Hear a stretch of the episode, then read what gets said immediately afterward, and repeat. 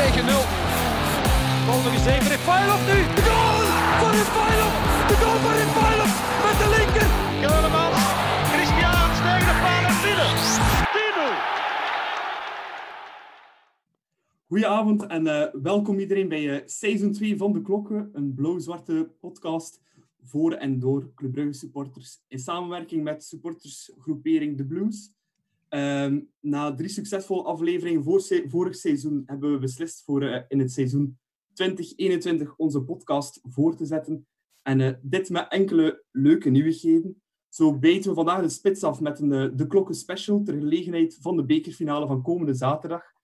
Ehm, deze specials zullen meerdere malen in het seizoen verschijnen en zullen ook telkens ondersteund worden, zoals nu, door een livestream op Facebook. Ehm dat gaat voor verschillende gelegenheden gaan er specials gemaakt worden. Denk maar aan een eh, zotte transfer à la Mignolet, de Champions League loting, eh, een bekerfinale, een kampioenschap. Dus voor alle heel speciale gelegenheden halen we de Facebook Live er eens bij. Naast de specials hebben we uiteraard ook gewoon onze tweewekelijkse gewone eh, De Klokken podcast, waarbij dat we de actualiteit en de wedstrijden gaan bespreken die club gespeeld heeft. Telkens met een vast panel, waaronder Sandra en Matthias, die hier ook aanwezig zijn, zeker ook deel van uitmaken. En ehm, ik kan ook al verklappen dat we enkele, enkele prangende en bekende gasten zullen eh, hebben gestrikt voor onze podcast. Dus houd zeker in de gaten, eh, want er komen heel interessante personen nog langs eh, dit seizoen.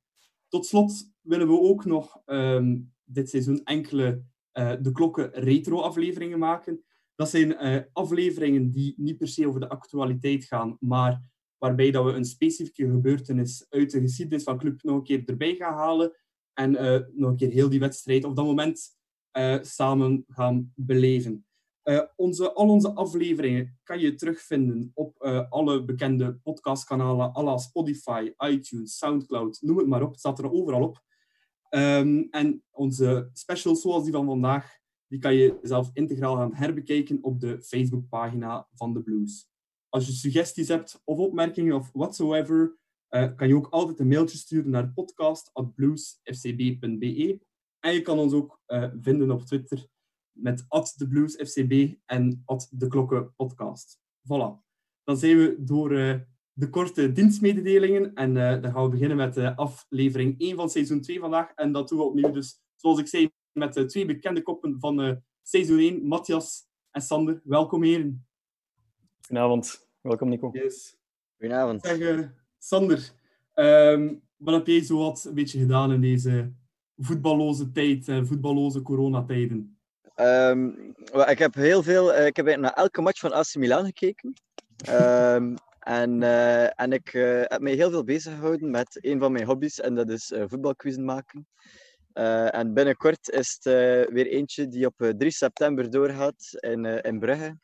Eh, en voor meer informatie kan je ehm, eh, op Facebook zoeken naar Koer, dus ja, eh, K-O-E-R. En dan kan je zoeken tussen de evenementen van 3 september en dan is het een voetbalquiz. Normaal gezien is die altijd gratis, maar omdat het op een speciale locatie is, is het 2 euro ingang of zo. En het is echt wel voor mensen die zich echt wel een keer uitgedaagd willen voelen door voetbalkennis. Dus oh ja. Eh, je, je hebt er ook al veel aan meegedaan, Nicolas, en eh, ik denk dat je het Ja. wel kan beamen. Dus ik heb er weer heel veel tijd in gestoken en het zal weer een toppertje worden, zeg dat zo. Ja, ik heb er zelf ooit eens één gewonnen, hè, Sander? Eh, Ja, toen dat de competitie nog niet zo sterk was. ja, nee, inderdaad. Ehm, je, zit ook, je bent ook niet thuis hè, vandaag, Sander? Nee, ja, ik zit in de Wijn Natuur. We zijn momenteel ehm, op voorkamp van ons zomerkamp. Dus dat is wanneer we al de tenten recht zetten en alles in orde brengen tegen dat de kindjes komen. En eh, ja, ik heb mijzelf eh, voorzien van materiaal om toch te kunnen meedoen op deze ja, pittoreske locatie toch wel. Dus voilà. Daarom eh, een beetje speciaal decor vandaag. Ja. En eh, de tweede man van eh, de podcast van vandaag, eh, Matthias, ook bekend van eh, seizoen 1. Matthias, eh, je hebt waarschijnlijk hier en daar ook een wedstrijdje meegepikt. Heb je zo eentje dat je zegt, dat was nu de beste dat ik gezien heb? eh? Ja, toch minder dan gewoonlijk, want natuurlijk zonder publiek, ja, de, de aantrekkingskracht is een beetje verloren. Maar eh, als ik er echt twee moet ja, eruit halen, denk ik toch aan, aan Barça tegen Atletico. Eh, de 2-2 met een eh, ja, weergaloze ja, Yannick Ferreira Carrasco. En de tweede wedstrijd was toch Liverpool tegen Chelsea, de 5-3. Die heb je waarschijnlijk ook gezien, Nico. Ja, ja, die heb ik ook gezien. tot seconde. Een heel leuke wedstrijd. ja, Typische Engelse match. kick and rush. En ja, echt leuke mensen. Leuke wedstrijd. Mijn persoonlijke was, favoriet was eh, Milan tegen eh, Juventus. De saaiste eerste helft ooit en de meest spectaculaire tweede helft bijna ooit. eh. Ja. Met de vier goals van, eh, van Milan. Ja. Ja. Ja, Voor, inderdaad. vooral omdat het zo eerst eh, wat is het, 2-0 was, hij dacht, ja, het is gedaan. Hè. Ja. En dan eh, ja, op eh, acht minuten drie goals gemaakt. Het was echt geniaal. Ja, nee, dat was een toppertje. Nu, eh, genoeg over AC Milan en eh, andere buitenlandse ploegen, want eh, de Belgische, Belgische voetbal gaat terug beginnen. En eh, ja, daarvoor zijn we eigenlijk samengekomen vandaag voor eh, de Cup Final te gaan eh, bespreken vandaag. Eh, we gaan het een beetje competitief starten. Onze special vandaag over de Cup Final. We gaan een klein quizje organiseren. Er zullen tien vragen gesteld worden. Om de beurt krijgen jullie één vraag voorgeschoteld, Sander en Matthias. Als je het juist hebt, krijg je één punt. Bij sommige vragen kun je twee punten krijgen. Heb je het antwoord fout of weet je het antwoord niet, dan gaat de vraag naar de tegenstander en kan die het punt binnenhalen. De winnaar wordt gekroond tot de Cup Final koning. En de vragen gaan van makkelijk naar zeer moeilijk. Eh, zijn er nog vragen? Ik kijk er naar uit. Het is eh, vrij duidelijk en eh, spannend. Yes, alright. Sander, dan gaan we bij jou beginnen. Hè. Ehm, we beginnen met een binnentikker, of beter gezegd, met een lekkere volley. Welke clubspeler opende de score in de legendarische bekerfinale van 2015 tegen RSCA? Eh, in de beker. Oei. De finale. De eerste goal. Eh, eh, oei. Ehm, Ik kan, ik kan een tip geven, het is nog een ex-speler van Anderlecht geweest ook. ja, ex-speler. Goh. Ja, nu, nu zit ik hier een beetje uit schaamrood op de wangen, eh zijnde dat ik zeg dat ik een voetbalquiz maak en dat ik eigenlijk een hele binderkopper eh, dat het me even ontglipt. En waarschijnlijk zal ontglippen. Ehm Een gokje? wie heeft er voor de, voor de club en dingen gespeeld? eh Varga en minister nu weg. ik ga, eh, zijn de, ik ga eventjes de handdoek in de ring gooien. Oké, dan gaat de vraag naar Matthias. Ik denk dat hij het antwoord al weet. Ja, Tom de Sitter. Ja, dat is eh, correct. Dus eh, we zijn 1 over Matthias. Eh, op naar de tweede vraag. De laatste, die is voor Matthias trouwens. De laatste cupfinal die club speelde was in 2016 tegen Standaard. We verloren die met 2-1, mede door een rode kaart voor club kort na rust. Welke clubspeler trapte na en kreeg je door het rode karton onder zijn neus geduwd? Diaby. Yes. 2-0. Ja, Sander, je gaat terug moeten komen. Ja, het, het- helpt zeker niet te zeggen dat ik die vraag wel wist, maar eh, ja, kijk, ja, we, doen gewoon, we doen gewoon door, we doen gewoon door. Geen Ja. probleem. Eh, vraag 3 is ook voor jou, Sander. Eh, in 2004 speelde de club de cupfinal tegen de befaamde Ivorianen van Beveren. De club won de match uiteindelijk met 4-2, maar ondanks de aanvallende weelde van Beveren, met onder andere spelers als Cervinho, kwam het zelf niet tot scoren. Het werd tot tweemaal toe geholpen door een Brugse own goal. Welke twee onfortuinlijke Bruggelingen maakten die middag een own goal? Een van de spelers was trouwens de allerlaatste match als prof. Eh, ja, eh, ik zal eerlijk zeggen, ik zal, ik zal weer de handdoek in de ring gooien. Eh, Oei, oei. eh, Matthias kan direct een mooie voorsprong pakken. eh. Ik Ja. ben heel slecht voorbereid, blijkbaar. Vicky en Danny. Ja, dat klopt helemaal. Birger Maartens en eh Danny Verlinden. 3-0 voor Matthias. Eh, Sander, eh je had een tandje voor de bijsteken, denk ik. eh. Ehm, vraag 4, Matthias. Eh, twee jaar voordien, in het seizoen 2001-2002, speelde de club eveneens de cupfinal. Deze keer tegen het Moeskroen van Hugo Broos. De club zou deze wedstrijd uiteindelijk met 3-1 gaan winnen, maar welke toekomstige club legend scoorde toen één minuut nadat hij inviel de 1-1 gelijkmaker voor Moeskroen tegen club? Joe Blondel. Dat is eh, helemaal correct. 4 tegen 0. Ja, ik verveelde mij tijdens mijn middagpauze, dus ik heb me wel kunnen voorbereiden. Zie, het is daar, maar ik zit hier al eh, drie dagen in de wilde natuur. eh, ja, kijk. ja. Eh, vraag 5. Kom aan, Alexander. Het is geen makkelijke, maar we gaan eventjes terug in de tijd gaan. In 1977 speelde de club misschien wel zijn meest legendarische bekerfinale ooit. Het won met trainer Ernst Happel op epische wijze de beker tegen eeuwige rivaal Anderlecht met 4-3. De match was zelfs zo episch dat hij een bijnaam kreeg. De mm Cup. Wat was de bijnaam van deze bekertriomf? En de tip is tennis. Tennis. Tennis is de tip. tennis is de tip. Ehm, tennis. Hoeveel ken ik van tennis? De Tiebreak Cup. De. De. Nee. De Decider. Ik weet het niet. Eh, ja, ik, ik, zal, ik zal je helaas weer moeten teleurstellen, maar goed, ja. Ja, dan gaat de vraag naar Matthias. Dat ik het bij God niet weet. Ehm, Nee? de Game Set en Match Cup. Nee, ik weet niet. Het was 4-3, dus misschien een link met de, met de score, maar...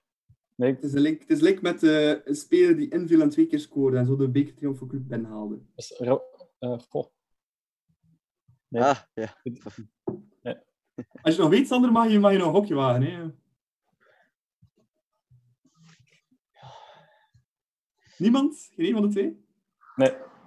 Nee, eh, de Davies Cup. Eh, Ah, Roger ja. Davies was toen eh, een legendarische Engelse spits van Club. Eh Club stond toen 2-3 achter aan de rust. Eh, de lange Engelse spits kwam in en scoorde nog twee maal en werd toen de held van Brugge. Ja. En toen hebben ze die cup maar de Davies Cup genoemd, of de Roger Davies Cup. Ja, ik, zie de, ik zie opeens de line-up weer voor me, die ook op Wikipedia staat. ehm. ik ook. ik, heb die toe- ik heb die misschien toevallig een keer bezocht voor mijn, voor mijn quiz of zo, maar inderdaad. Alright, volgende vraag. Matthias.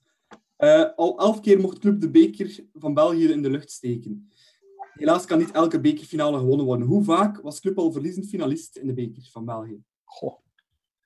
Ik ga een gokje doen, want anders ehm, verloren tegen Beerschot, tegen Standaard. Dat zijn de twee recente. Ehm, ik zou zeggen vier keer. Niet correct. Hoeveel keer?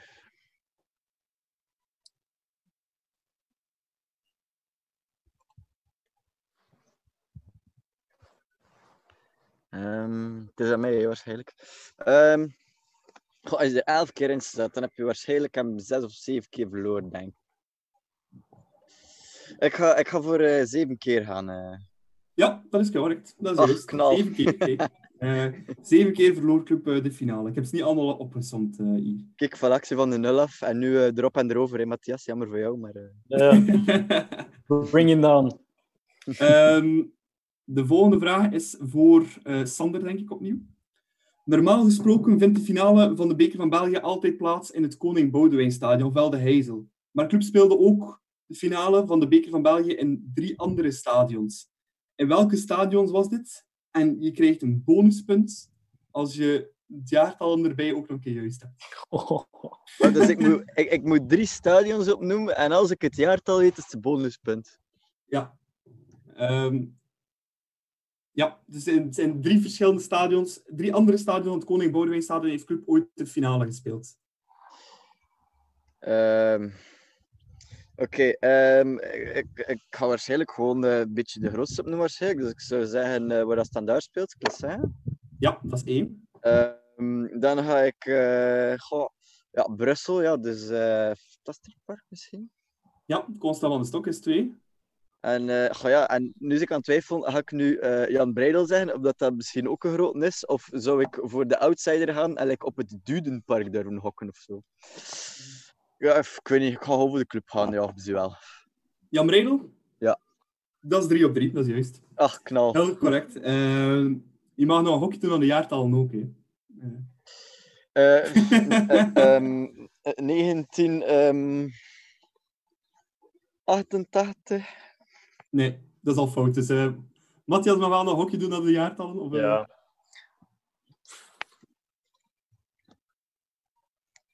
...77? Nee, nee, nee. Nee? Eh, in 1986 speelde de club ehm, na het Heizeldrama de beker van Ja. België de finale op Jan Breidel tegen Cerkel. Eh, en ehm, kunnen weten, elk kunnen weten. In het jaar 94 en 95 speelde de club ook Ja. de finale van de beker van België, maar toen werd het Koning Boudewijn stadion verbouwd voor eh, Euro 2000 en speelden ze op Sclessin tegen Anderlecht en eh, in het Van de Stokstadion in 95 tegen Germinal Ekeren. Ekeren. Ja. Ja. Dus eh, zo zitten elkaar. Dus eh 2-5. Dus eh, Sander kan nog terugkomen. ehm. Ja, maar ja, nu krijgt hij waarschijnlijk ook een vraag waar hij drie antwoorden op kan geven. Dus ja, het kan nee, nee. Ehm, volgende vraag voor Matthias. Bekerfinales, het is altijd een feest, behalve als je de finale zwaar verliest. Tegen welke tegenstander kreeg Club zijn zwaarste pandoering ooit in de finale van de beker? En wat was de uitslag van deze wedstrijd om rap te vergeten? Ik kan een tip geven, de finale was in 1998. Goh. Ehm, Club speelde dat jaar kampioen met onder andere trainer Ja. Gerrits. En een heel sterke ploeg, maar de finale was een fiasco. tegen Lierse? Nee. Nee. Je mag wel nog een hokje doen naar de score. Naar de score... ehm 6-0. Niet juist. Nee. Oké. Sander? Ehm 98. Goh Ja, je zou bij het denken wie heeft er veel de beker gewonnen, maar ik denk dat dat niet het antwoord zal zijn. Ehm eh, ik, eh, ik ga hokken op uh, Germinal Beerschot. Nee, nee. Mag nog een hokje doen naar de score. Eh 4-0. Ja, dat is wel juist. Dus ik kreeg daar één puntje daarvoor. hè. nee, club verloor in de 98 finale 4-0 tegen eh, Racing Genk. Mm. Eh, met onder andere Besnik Hazi en zo die meespeelden. Eh, club had een ongelooflijk sterk jaar dat jaar in de Ja. competitie, maar in de bekerfinale ging het eh, helemaal mis. En nu komen we aan de heel moeilijke vragen. Hè. Sander, van de grootste nederlaag naar de grootste triomf ooit van club in de beker van België. Welke ploeg droog de club in 1970 af met maar liefst 6-1 in de finale?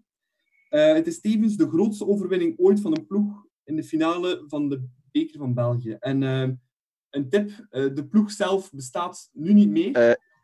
Ja, het is, het is eh, Waterschei, denk ik. Nee.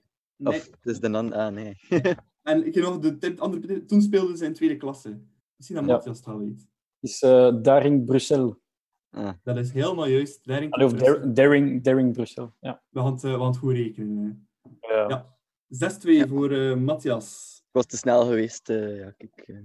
Ja. En dan heb ik nog een eh, laatste vraag. Ehm, voor Matthias opnieuw. Dat is ook geen makkelijke. In 1914 speelde Club zijn allereerste bekerfinale ooit. Dat was tegen Union. Helaas verloor Club die wedstrijd met 2-1. Op een herkansing moest Club maar liefst 52 jaar wachten. In 1968 speelde ze een tweede bekerfinale en wonnen na een 1-1 gelijkspel en een penalty-triller die op 7-6 eindigde de beker van België. Wie was toen de tegenstander? De ploeg bestaat nog altijd en is nog altijd een profploeg. Is dat een concurrent van ons? Ehm, nee, het is geen concurrent. Ik ga dat als tip geven. Cerkelbrugge. Sander? Eh, en in welk jaar was het? In, in 1968.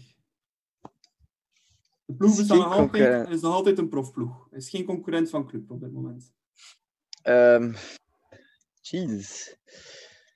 Eh, ik ga nog een keer hokken op Germinal Beerschot. Het is nog een keer juist ook. Het is Beerschot inderdaad. Oh. Dus, eh, Ja, maar Germinal Beerschot is wel een hele goede bekerploeg geweest. Dus Ja, ja, was kijk, een beetje Technisch gezien was eigenlijk niet Germinal Beerschot, maar gewoon Beerschot naar boven. Ik had toe rekenen. eh. Want eh We weten allemaal Germinal wat, Beerschot eh, wat komt van de bedoelt, fusie tussen Germinal Ekeren en eh, Beerschot. Ja. Maar eh, bon, uiteindelijk zijn we nog één op eh 6-4, denk ik, in het voordeel van Matthias. Ja. Eh, Matthias, je mag jezelf eh, nu de Cup Final koning noemen voor een jaar tot eh, Voilà. de volgende bekerfinale spelen. Voilà, game, set en match, hè, om het in tennistermen te zeggen. Hè. Ja, de Davis Cup. Inderdaad. Voilà. Ehm, nu dat we ja, rond zijn met, ehm, ja, met onze quiz, kunnen we een keer eh, beginnen aan het bespreken voor eh, de match van zaterdag zelf. En misschien eh, kunnen we daar ook allemaal nog een leuke herinnering bij halen, want het zal de eerste keer zijn dat er een bekerfinale is zonder publiek. En daarom wou ik aan jullie twee keer vragen wat jullie mooiste bekermoment ooit is dat jullie hebben mogen beleven of meegemaakt of hebben gezien op tv. Ehm Matthias, mag anders de, de spits al afbijden. Ja, klinkt heel cliché, eh, want ik denk dat veel supporters zich aan eh, ja, hetzelfde beeld gaan hebben, maar eh, Club tegen Anderlecht in 2015 blijft voor mij het meest, ja, toch wel de meest epische, epische wedstrijd die ik ooit gezien heb, met de goal van Refailov. En eh, ja, de anekdote is eigenlijk, ik had geen tickets voor de wedstrijd. De dag zelf heb ik het via via uiteindelijk toch kunnen regelen. En eh, ik stond daar alleen met mijn broer in de tribune achter de goal. En, en bij, ja, je voelt, hè, de Sutter scoort 1-0. Ik denk dat de, de arbiter heeft toen twee valabele goals van club uh, ja, uiteindelijk uh, onterecht afgefloten. En dan voel je de bui hangen wanneer dat Mitrovic scoort en denk je weer aan voodoo en karma en, en ben je weer bezig met die tien jaar niks winnen. En, en dan die, die verlossende goal van Rafaelov. En, en ja, dat blijft mij gewoon bij. En, ehm, en uiteindelijk herinner ik me echt met mijn broer helemaal boven in het stadion. En bij de goal van Rafaelov gewoon tien rijen naar beneden op, op vijf seconden tijd. En, en ja, zo'n volledige blackout. Dus uh, dat is mij uiteindelijk het meest bijgebleven. Ja, ik was daar ook, ik was ook bij die match. Ik denk dat het ook het eerste moment is dat we elkaar ontmoet hebben. Want ik was toen Ja. met Quentin Dat Quentin. eh, mee en we elkaar toen even gezien. Eh, ja, nee, ik weet ook nog die match, na, na de match dat ik gewoon nog zo ja, benen, delen. een half uur na de match was niet normaal. Ja, ja. Dat was, ehm, Yes. Een heel mooi moment. Ik denk ook, ja, mooie manier om de beker te winnen is er niet. Behalve ja, Roger Davies natuurlijk in eh, 1977. Ja. Daar weten we nu- alles over natuurlijk. Ja. Ja, ah, wel. Dus. Eh, Sander, welk moment heb jij eruit uitgepikt? Ja, Ik had wel gedacht dat eh, waarschijnlijk dat moment ging gekozen worden van Rafaelov, dus ik ben een beetje verder geraven toen dat ik nog... eh, eh, toen dat ik net oud genoeg was voor echt wel een beetje voetbal te volgen. En ik ben naar eh halve finale gegaan. Ehm 2007 denk ik, eh, Club Gent. Of, Ja. eh, Gent. En eh, het is ook een beetje grappig, zijnde van toen dat de Philippe Clement toen aanvoerder was. En, en Leco gescoord heeft. Dus het is zo'n beetje, de cirkel is rond naar deze bekerfinale. Ja, Ehm, nee, dat was inderdaad wel heel mooi, want ik weet nog dat seizoen was Club enorm Ja. slecht. Ik denk dat we zesde zijn eigenlijk toen. Was het Ja. in- ja, het laatste in al die jaren zelfs, eh, denk Ja. ik. eh. Ja, en ehm, dat was al een beetje de redding van het seizoen. En eh Leco met een prachtige goal tegen Gent toen. Ja. eh, en Clement aanvoerde die dan uiteindelijk tegen Met, de Janef, standaard van Prudhomme de beker Ja. won. met Janevski als coach, denk ik. Hè? Ja, Ja. Celo Milanevski, juist. Ja. juist. Even invallen. Voilà, dus eh, ja, ik dacht, het past perfect in de aflevering, dus ik ga dat maar kiezen, zeker. eh, Ja, nee, inderdaad. Het is mooi dat ze samen, ze hebben samen nog de beker gewonnen, eh, Leco en Clement. Dus, eh, zondag En nu gaan ze hem, ja, nu is het een van de twee, hè. we gaan wel zien. Hè. Ja, ik heb zelf ook een momentje eruit geno- genomen. Ehm, eigenlijk is het niet zo'n mooie herinnering. Ik zal het zo zeggen, het is de bekerfinale van 2016 tegen Standaard. Maar eigenlijk om een heel andere reden dan de match heb, ik die, heb ik dat moment gekozen. Ehm toen eigenlijk een heel leuke dag meegemaakt. Ik had toen de ongelooflijke gelegenheid om een keer mee te gaan met een supportersbus uit Kortemark. en eh, ik heb nog nooit zoveel folklore meegemaakt eh, als toen eh, op die bus. Dat vind ik ook het mooiste aan die bekerfinales. Is gewoon alles wat er rond hangt. Eigenlijk minder dan de match zelf, maar heel dat verplaatsen naar Brussel. De lange tocht. op de autostrade overal blauw-zwart zie je. Het grappige was, die bus kwam van Kortemark. En ehm, ja, dat was een oude bus. Ik denk een bus van de jaren 70 of zo. Ehm, dat was een oude trouwbus. Die- Je kon niet eens recht zitten op die bankjes. Dus dat was ook zo schuin en zo overal een beetje kriskras door elkaar. Eh, we zaten nog geen twee minuten op die bus. Eh roepen ze op door de micro. Ja, eh we hadden pees dat we met, met 50 man gingen zijn, maar we zijn met 62. Eh, ja, we wouden niet echt winst maken, dus we hebben er gewoon bier mee gekocht. Dus bier gratis voor heel de bus. Dus dat was ook redelijk legendarisch. En dan het, het topmoment was eigenlijk ehm, toen we stopten, ik weet niet meer waar, het is vlak voor Brussel. En dus op een, eh, op een, en bij een tankstation. Was er iemand van achter in de bus, die was al redelijk, had al redelijk wat pintjes binnen. Trekt hij ehm, hij had zo'n hele pruik aan de nas. En dat bleek eh, bakker van bakkerij Kimpen te zijn uit, ehm uit Kortemark. En die had voor heel de bus ehm eclairs gemaakt met een blauwe lak op en een zwart FCB opgeschreven. Echt eh, redelijk legendarisch. En niemand mocht van de bus voordat hij een eclair had gekregen. En op diezelfde parking eh, waren er ook nog een paar truckchauffeurs. Er was één iemand niet afgekomen in onze bus. En eh, we waren aan aan de praat te slaan met een, eh, met een Kroaat. En ja, een beetje te praten, ja, Ivo Brugge, dit en dat. Een beetje voor het ballenbond zitten praten. Die kenden al die gasten, maar die gast moest daar nog vier, vijf uur wachten, omdat hij dan mocht verder rijden. We hadden nog een ticket over, dus hij zegt, ja, kom gewoon mee. En die vent is gewoon mee geweest met ons aan de finale. Eh. Er zat een random Kroaat mee in, eh, in de tribunes. Eh, jammer we die match wel verloren. Maar dat vind ik gewoon een van de mooiste bekermomenten voor mij. Gewoon om, puur om hetgeen dat zo'n moment van zo'n finale zo mooi maakt. Ehm, het samen zijn, de folklore er rond. Ehm, dus daarom heb ik dat moment uitgekozen. Alright. Yes. Ehm, maar genoeg over de geschiedenis. We gaan eh, naar het heden gaan. Eh, eh, zaterdag is het zover. We spelen terug eindelijk een voetbalmatch voor het eerst sinds maart, sinds de match tegen Cerkel. Ehm, ja, qua spelers er is nog niet veel bijgekomen, nog niet veel vertrokken. Maar met wie zou je starten, Matthias? Goh, uh, als hangt af van het spelsysteem. Okay. Gaat Clement in een 3-5-2 spelen of in een 4-3-3? Uh, dat valt ook een beetje af te wachten. Maar we moeten ook denk ik rekening houden met een paar uh, mogelijke gekwetste spelers. Ik denk aan een, aan een Diatta, een Matta of een, of een Deli. Um, dus dat is een beetje koffiedik kijken. Maar ik zou starten met Mignolet. Um, Matta als hij fit is, maar anders uh, Kosunu. Mechelen, Deli samen. Ik denk dat Daly toch niet zo erg is, dus die zou ik ook laten starten, moest hij fit zijn. Um, dan zou ik Erika boven Sobol uh, verkiezen. Ik vind dat Erika echt een, een topvoorbereiding meemaakt. En, um, op, op de flank dan? Of, uh... Ja, als, uh, meer een 4-3-3. Dus Erika als ja. linksback en, en Matta als, als rechtsback en, en Mechelen Daly centraal.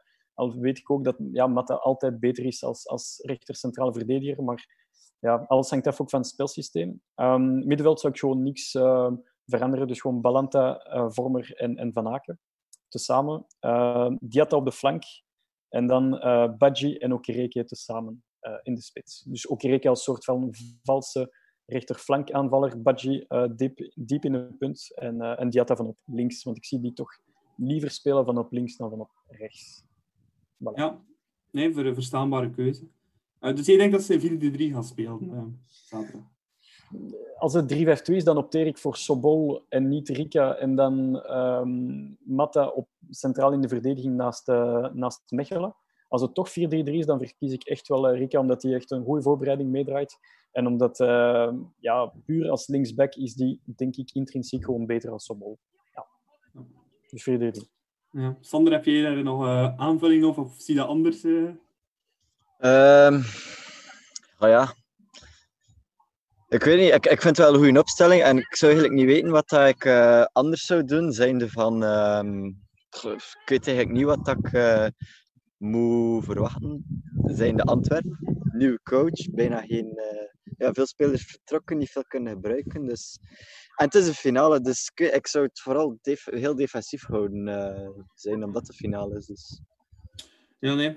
Ik zelf zie er wel een beetje anders, de opstelling. Um, ja, van mij hangt er inderdaad ook vanaf wie dat er fit is. Maar uh, als uh, Daly en Matta fit zijn, dan uh, zou ik in 3-5-2 gaan spelen. Sowieso. maar is dat niet het geval, is ook met Rika, Mechelen en Kosunu van achter spelen? Of Daly in plaats van Rika dan en Matta in plaats van Kosunu, moest die fit zijn.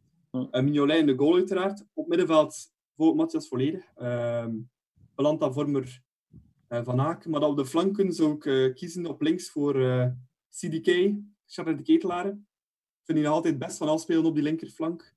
Uh, ik denk dat die Antwerp daar ook serieus wat pijn kan doen. En uh, op rechts, ik zou ja, een beetje à la Leco gaan, maar echt veel, veel op de aanval gaan. En uh, op rechts dan spelen met, met Dennis of Diatta. Als die fit is, dan zet ik Dennis op de bank en laat ik Diatta starten. En in de spits ga ik voor een duo schrijvers ook rekenen. Dus toch, een beetje, ja. toch een beetje anders dan van Matthias. Ja, ja, ik, denk, ik, ik denk dat ik ook misschien eerder ook voor schrijvers zou opteren. Maar ik zou vooral echt... Het is eh, zeker de eerste helft uh, zeker niet laten verrassen. En uh, ja, je, je, weet niet wat je ervan moet verwachten, maar het is, het is maar één wedstrijd. Uh, elke minuut telt en alles kan gebeuren. En dat is zo typisch aan de finale, dat ja, ja. elke kleine fout kan afgestraft worden. En goh, ja. Ja. Hij, hij had misschien te weinig uit van eigen kwaliteit, misschien, maar ja, iedereen heeft veel stilgezeten. Dus ja, ik weet, ik weet echt niet wat ik ervan moet verwachten. Dat is het een beetje. Ja, alleen Matthias gaf Badji aan als uh, eerste spits. Ik, dat, eh, ik heb heel veel goede dingen waar gezien in de voorbereiding. De match uh, speelt ongelooflijk goed. Maar ik vraag me altijd af, is er niet altijd een groot verschil tussen het echte werk en dan een oefenmatch? Ik denk van niet, want uiteindelijk, uh, die oefenmatches spelen we normaal altijd tegen Knok, uh, Torhout, um, Wetteren enzovoort. En, en nu hebben we echt tegen, allee, ons kunnen opmeten tegen, uh, Agent bijvoorbeeld, waar hij echt heel goed was. Um, en ook tegen andere goede, goede ploegen. Uh, tegen Lille heeft hij ook een heel sterke Brugse Mette gespeeld. Um, ik, ik, twijfelde ook. Ik was heel sceptisch in het begin van oké, het is een nieuwkomer. Hij komt van Senegal. Hij heeft zich wel al zes maanden kunnen inburgeren. Um, hij heeft een heel goede stage meegedraaid in Qatar. Clement is daar echt fan van. En, en als je het artikel van vandaag leest van, van het Nieuwsblad, dan, dan voel je ook aan alles dat hè, zegt ook van Badji op training, in de vestiaire en, en overal dat hij ja, dat hij matuur is en dat hij alles heel snel oppikt. En ehm, ik vind, eh, hij verdient het om die finale te spelen meer dan uh, een Kermenchik, maar dat staat buiten kijf natuurlijk. Um, ook al hebben wij 6 miljoen betaald voor één en de andere misschien 100.000. Um, Ketelaar draait niet zo'n goede voorbereiding, heb ik gehoord. Dus ik ben ook super fan van de Ketelaar. Maar hij doet het een heel stuk minder. Dus daar heb ik het een beetje moeilijker mee. En met Dennis, de focus is ook weg, heb ik gehoord. Uh, of gelezen. Dus dan denk ik van ja. Dennis en CDK, puur op papier moeten die altijd spelen. Maar de voorbereiding wijst toch andere zaken uit. En dan verkies ik misschien liever een, een badje bijvoorbeeld. Ja. Ja, ik, vers, ik versta je punt. Uh, van Dennis, ik vond wel dat Dennis uh, goed ingevallen was tegen Leeuw. Uh, ja. vond ik wel heel gretig ingevallen. Dus, ja, dat wel. Dat heb ik ook wel genoteerd. Want hij is ook even geblesseerd geweest in de voorbereiding. Had ik, Inderdaad, ja. maar daarin vond ik hem wel heel goed in die match. En ja. schreven ze ja, ook, onder andere had ik hem gekozen omdat hij echt een heel knappe goal maakt daar tegen. Ja. en als Schrijvers in vorm is, hij heeft ook al Antwerpen ook, hij scoort bijna altijd tegen Antwerpen ook. Herinner je de, de lowball uh, twee jaar geleden. Uh, op Antwerpen heeft hij ook gescoord. Nu, uh, afgelopen seizoen, heeft hij ook gescoord. Um, dus die kan die altijd wel wat pijn doen op de een of andere manier met zijn manier van spelen.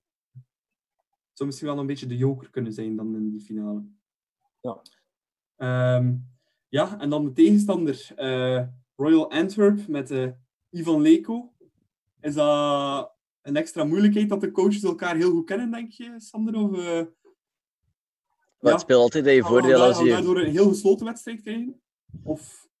Ik weet het niet. Uh, zijn de Leco kent de tegenstander heel goed. Uh, en dat is een groot voordeel. Langs de andere kant is een heel aanvallende coach, maar heeft hij, ja, heeft hij de wapens om heel aanvallend te spelen? Ik, ik zei het, het is echt zo, ik weet niet goed wat ik ervan moet verwachten, want hoe meer dat, ik, dat ik erover begin na te denken, hoe meer ik zoiets heb van anything can happen. Dus ja, uh, je hebt Antwerp die een gesloten wedstrijd kan spelen onder een andere coach, met, met de spelers die al weg zijn. Maar die, ja, die kunnen niet meer ingezet worden, de nieuwe kunnen ook niet gezet worden. Uh, en dan een heel andere coach, ja, bijna dag en nacht verschil met Beluni, om het zachtjes uit te drukken. Maar wat denk je dat er gaat gebeuren is. Um, ik denk dat de eerste helft heel gesloten gaat zijn, sowieso. Ze gaan, ze, gaan elkaar afwegen, ze gaan wachten. En in de rust, of kort na de rust, gaan ze hokken en wisselen. En dan gaat het er ja, tussen minuut 65 en 80 beslist worden, denk ik. Dus uh, als, we, als we door omstandigheden de eerste helft missen, denk ik niet dat we veel gaan gemist hebben. Uh, maar goed, ik kan mis zijn, maar dat is wat ik ervan verwacht. Ja. Matthias? Ja. Ja, nee, ik, um, ik heb zo'n beetje hetzelfde gevoel als, als Sander. Um, ik hoorde wel dat Refailov tegen de Grijzen zei onlangs van, um, dat ze heel defensief gaan spelen. Dat ze dat echt on-Leco gaan ja. spelen. Ja, on, Omdat ze... maar Leco, allee, ik herinner me ook wel uh, Leco als we met Club op Dortmund gingen spelen. Dat was, dat was ook met, uh, met tien achter de bal. Hè. Dat was Catenaccio. Hè. Dus um, ja. ik denk ook, dat heeft alles te maken met hun, met hun kern. Hè. Als je ziet, achterin hebben zij heel veel moeten inboeten met, met Hoed en, en, en Bolat en Arslanagis. Dat zijn toch drie klippers voor, voor Antwerp. Uh, dat ze moeten missen. En um, ik denk dat, dat Antwerp meer gaat gokken op één goal maken en dan alles gesloten. Um, terwijl dat club echt wel meer de combinatie gaat proberen à la Clément en, en het zo doen. Maar ja, snel scoren is echt wel de boodschap. Want uh, als het tot minuut 60, 70 nog altijd 0-0 is, dan uh, ja, ja. weet je nooit wat er kan vallen. Hè. Uit een corner, een vrij trap. Um, maar ik, allee, ik denk toch echt wel dat de Antwerp, die zijn qua kern en qua basiselftal toch een, een stuk, stuk minder als, uh, als vorig jaar. En wij zijn bijna status quo gebleven. Dus ja, we moeten echt wel weer. Ja. Ik, ik, denk, allee, mij persoonlijk denk ik dan dat, Clement zeggen, zo probeer Antwerpen echt van minuut 1 gewoon direct naar de keel te grijpen. Ja. Zeker met het feit dat ze ja, met een ongerouteerde verdediging gaan spelen. Mensen die nog niet hem samenzitten of weinig. Ja. Ik denk dat je ze dan juist heel rap, heel koud kunt pakken. Uh, in het begin van die eerste helft, dat je dat direct uh, een beetje een uh, snelle, quieke spelers achterzet, direct terugzetten op die verdediging. Ik denk dat je ze dan heel, heel veel pijn gaat kunnen doen.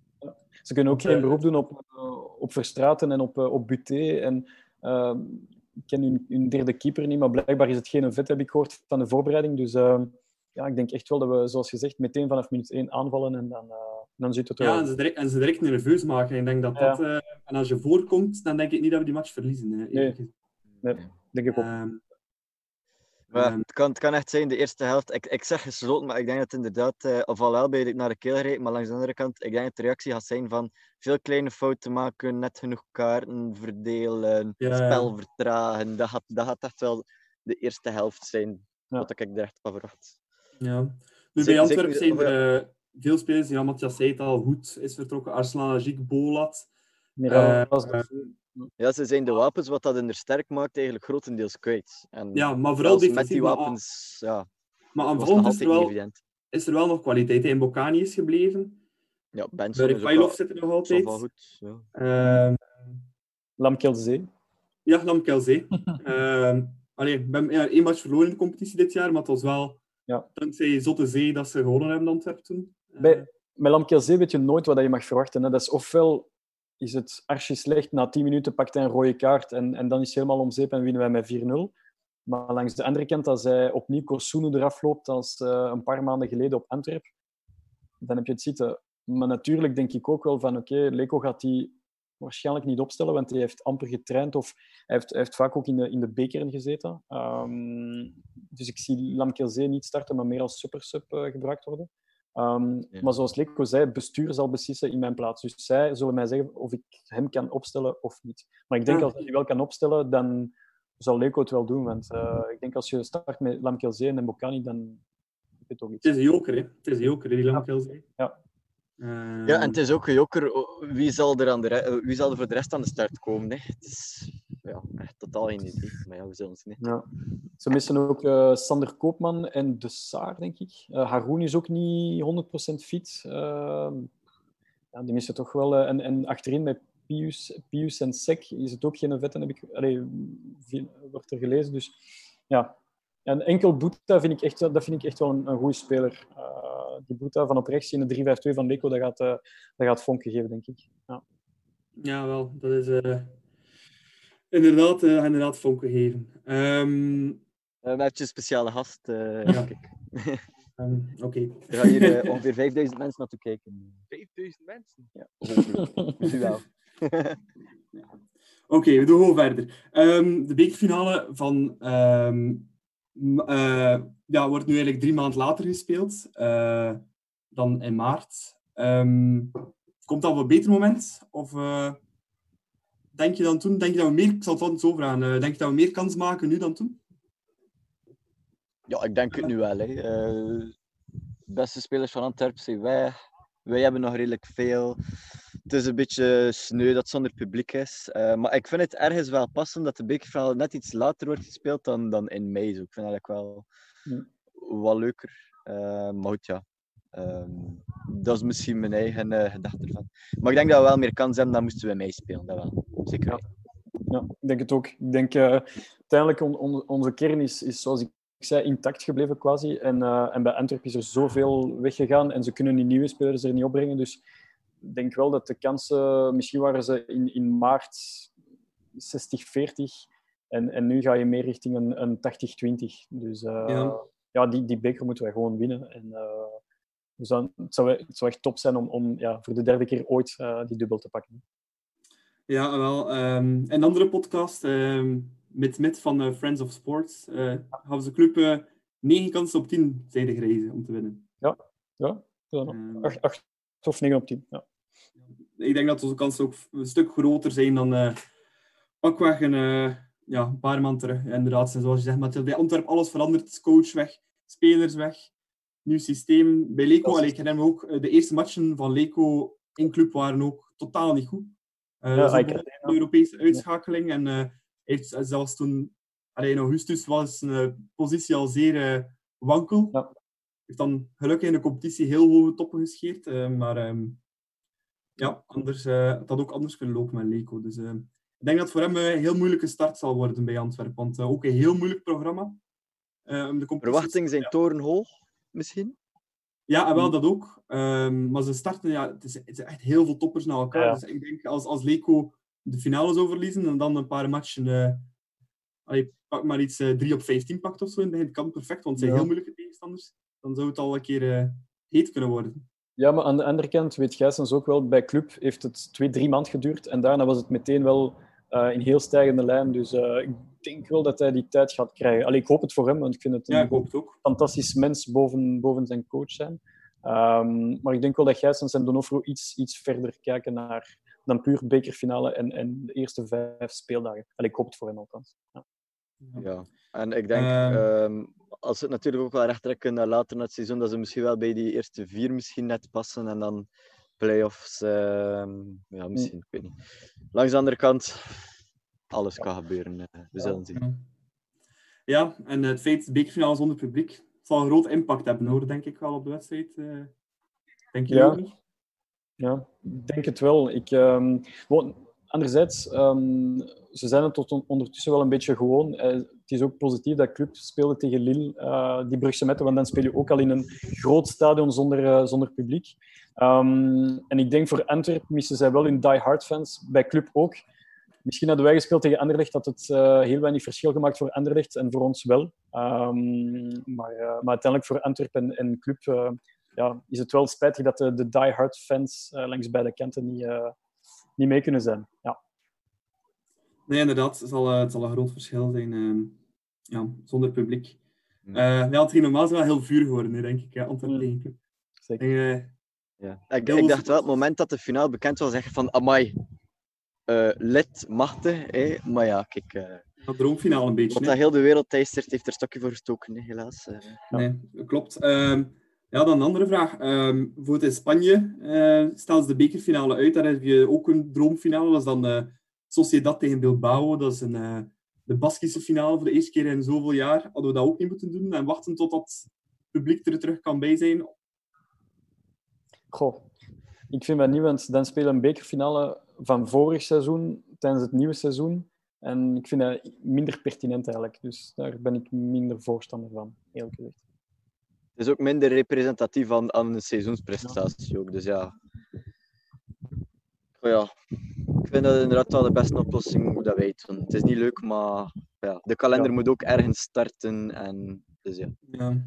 Ja, het is een Ik beetje denk dat slecht. Antwerpen, ik denk dat Antwerpen er sowieso niet mee akkoord was geweest, want eh, dan lopen ze sowieso Europees voetbal mis. Hè. Eh, Ja. ook al. Want dat is het geval voor bij Atletico en eh Atletico Bilbao en eh, Sociedad. Hè. Dus die, die verkiezen het geen Europees voetbal spelen boven eh, een lege bekerfinale. Wat daar wel straf is. doen. Ehm, ja, om eh, onze voorbeschouwing voor eh, de bekerfinale ehm, een beetje te beëindigen. Ehm, een pronostiekje, Sander. En het, en het scoreverloop mag misschien ook eh, erbij zijn. Ehm, ik denk dat er in de eerste helft niet veel zal gebeuren. Ehm, ja, ik heb het al gezegd, in de eerste helft zal er niet veel gebeuren, denk ik. Ehm, de tweede helft zal er kort na gewisseld worden, vij- zo'n kwartiertje tijd geven. eh. met 55, 60 zal er veel gewisseld worden en dan een dubbeltje op zijn kant.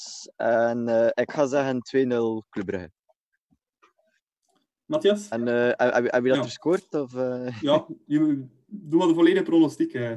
De volledige pronostiek. Dus, ehm, goh, ik, ik ga zeggen dat Mats Rits gaat scoren als hij start. Ik weet het niet.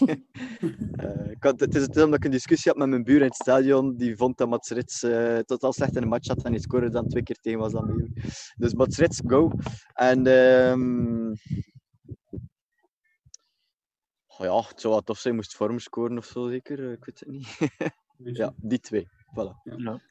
Matthias? Ik ga voor 3-1. eh 2-0 aan de rust. Eh goals van Badji en Okereke. Eh, aansluitingstreffer van, wie heb ik hier staan? Mbokani. Omdat hij graag tegen club scoort. Ja, En, eh. Voilà, en dan helemaal op het einde van de wedstrijd ehm, Hans van Aken met de 3-1. Nekschot voor Antwerpen en wij winnen de beker. Ja, zoiets. Ja, mijn pronostiekje. Ik hoop in elk geval dat, eh dat het geen verlenging wordt voor Antwerpen, want anders zijn die later dan 11.30 uur thuis. En dat is. Die heb je afgepakt, Nico. Die heb je afgepakt. Eh, maar nee, mijn pronostiek is eh 2-0. Eh, een goaltje in de eerste en eentje in de tweede helft. En ik denk dat Schrijvers de score gaat openen na het kwartier. En eh 10 minuten voor het einde de ketelaren met de winner. Dus ja, ik denk een droge 2-0. Eh, Ja.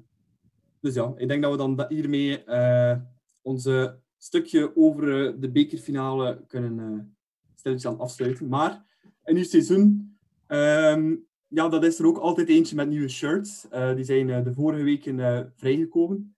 Um, ja, wat vind je ervan, van die nieuwe shirts? Uh, misschien beginnen met het thuisshirt. Dus we hebben dat zwarte. Het lijkt een beetje op hetgeen als Sander heeft, het zijn meer streepjes ja. ertussen. En nog een keer de... En er, en, en, en er zit een motiefje in, zo, ja, inderdaad. Ja, ja ik, ik zou zeggen, het eerste shirt, de, het eerste shirt, klassiek, mooi, uh, goed gedaan. Tweede heb ik zo meer iets van uh, Love It or Hate It. Um, ja, wit. En dat derde, ja, ik versta me er eigenlijk niet zo goed aan. En ook het promofilmpje dat erbij was. Allee, wie heeft er dat gemaakt? Die komeet die inslaat achter de clubshop was of zo. Ik weet het niet. Ja. Uh, ik, weet niet. Ik, ik was niet mee, ik ben geen fan. Zeg dat zo. ja. Matthias, of een van de nieuwe, de nieuwe shirts van Club? Ja, ik heb toch een andere mening. Um, ik vind de, de home shirts prachtig. Die vind ik echt, echt, echt heel geslaagd. Um, ja, de klassieke blauw-zwarte strepen, maar ik vind ze ook uh, modern in de details, in de motieven en tegelijkertijd opnieuw de klassieke blauw-zwarte strepen. En uh, ja, het ziet gewoon goed. Dus ik um, ben echt fan. Um, de witte vond ik echt spuuglelijk. Uh, bij de voorstelling vond ik echt van Cantriam in het rood. Terwijl dat ze normaliter altijd in het blauw en dan doen ze nu plots in het rood uh, voor club. Ja, dan versta je het niet goed. En, um, en het is ook zo wit en een stukje grijs. Dus ja, wit-grijs, dan diagonaal. Oké, wat is de link? En een paar dagen later zag ik het uh, op, op Rika en Schrijvers en vond ik het best wel oké. Dus uiteindelijk heb ik mijn mening een beetje moeten herzien. Maar ik vind ze nog oké. Okay. Niet fan, maar wel oké. Um, en dan de derde shirt uh, was ik heel verrast. Maar uiteindelijk vind ik het wel iets hebben. Het doet mij heel hard denken aan Shakhtar Donetsk uh, van 2003, toen dat we ze, ze uitschakelden in de, in de CL-campagne. Of in de CL-kwalificatie. En ik vind het wel iets hebben. Ik denk dat we met in Oranje gaan spelen tegen Gent en Genk, omdat dat altijd de twee uh, ja, sparringpartners zijn, waarbij we altijd moeten uitwijken in een, in een heel ander tenue. Denk maar aan Bordeaux en, en Geel, et cetera. Um, ja. Dus we gaan het misschien drie, vier keer moeten gebruiken, maar ik vind het wel iets hebben. En ja, dat doet mij denken aan Shakhtar Donetsk en goede herinneringen met Nastja Tsjech en, en Rune Lang en zo. Dus het valt wel mee. Ja. Ja, ik, ik zelf, over de thuisshirts zijn we denk ik allemaal helemaal eens. Het ook heel mooi gemaakt. Uh, heel geslaagd uh, dinges. Ben ook eigenlijk meer en meer tevreden aan het worden van Macron. Uh, in het begin, toen dat aangesteld werd als sponsor van club, was ik heel sceptisch daar tegenover. Ik dacht zo, ja, we gaan een beetje de, de AA Gent tour opgaan met Jacco en zo, en zo onkwaliteitsvolle shirts. Maar eigenlijk vind ik dat Macron eigenlijk als een allee, opkomend en niet standaard merk à la Nike of Puma of Adidas, eigenlijk best wel mooie shirts maakt die ook kwaliteitsvol zijn en, uh, ja, en ook wel het, DNA van de ploegen uh, meedragen om ze te maken. Um, nee, thuisshirts vind ik zeker zet. Het uit ben ik eigenlijk echt totaal geen fan van, helaas. Uh, toen we een beetje denken aan um, begin jaren 2000, hadden we ook uh, zo grijze shirts. Ja. Um, en van die shirts was ik ook totaal geen fan. Ik vind een beetje grijze muis. Ja, ik vind, vind het een beetje vind weinig uitstraling hebben, ik zal het zo zeggen. Um... Ik, ik, ik, vond dat Grace destijds, toen ik, maar ik, was, ik, zat, ik zat toen in de voetbalsalclub, en ik vond dat destijds wel iets hebben. Maar ja, nu. nee. Ja, nee, klopt, nee, nee klopt, ik, ik vond het nu niks, nu weinig hebben en destijds ook niet.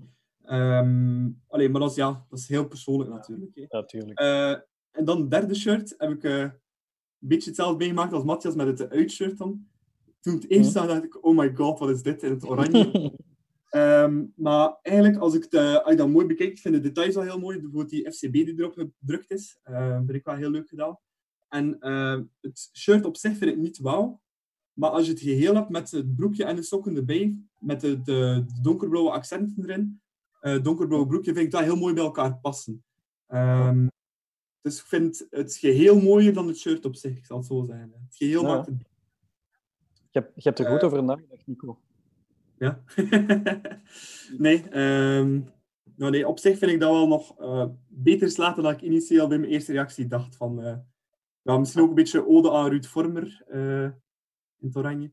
Dus ja, ja. Dat is al de tweede keer, denk ik. Denk wel een, een jaar of vijf geleden. Ja, zijn, zijn allereerste seizoen bij Club in 2000...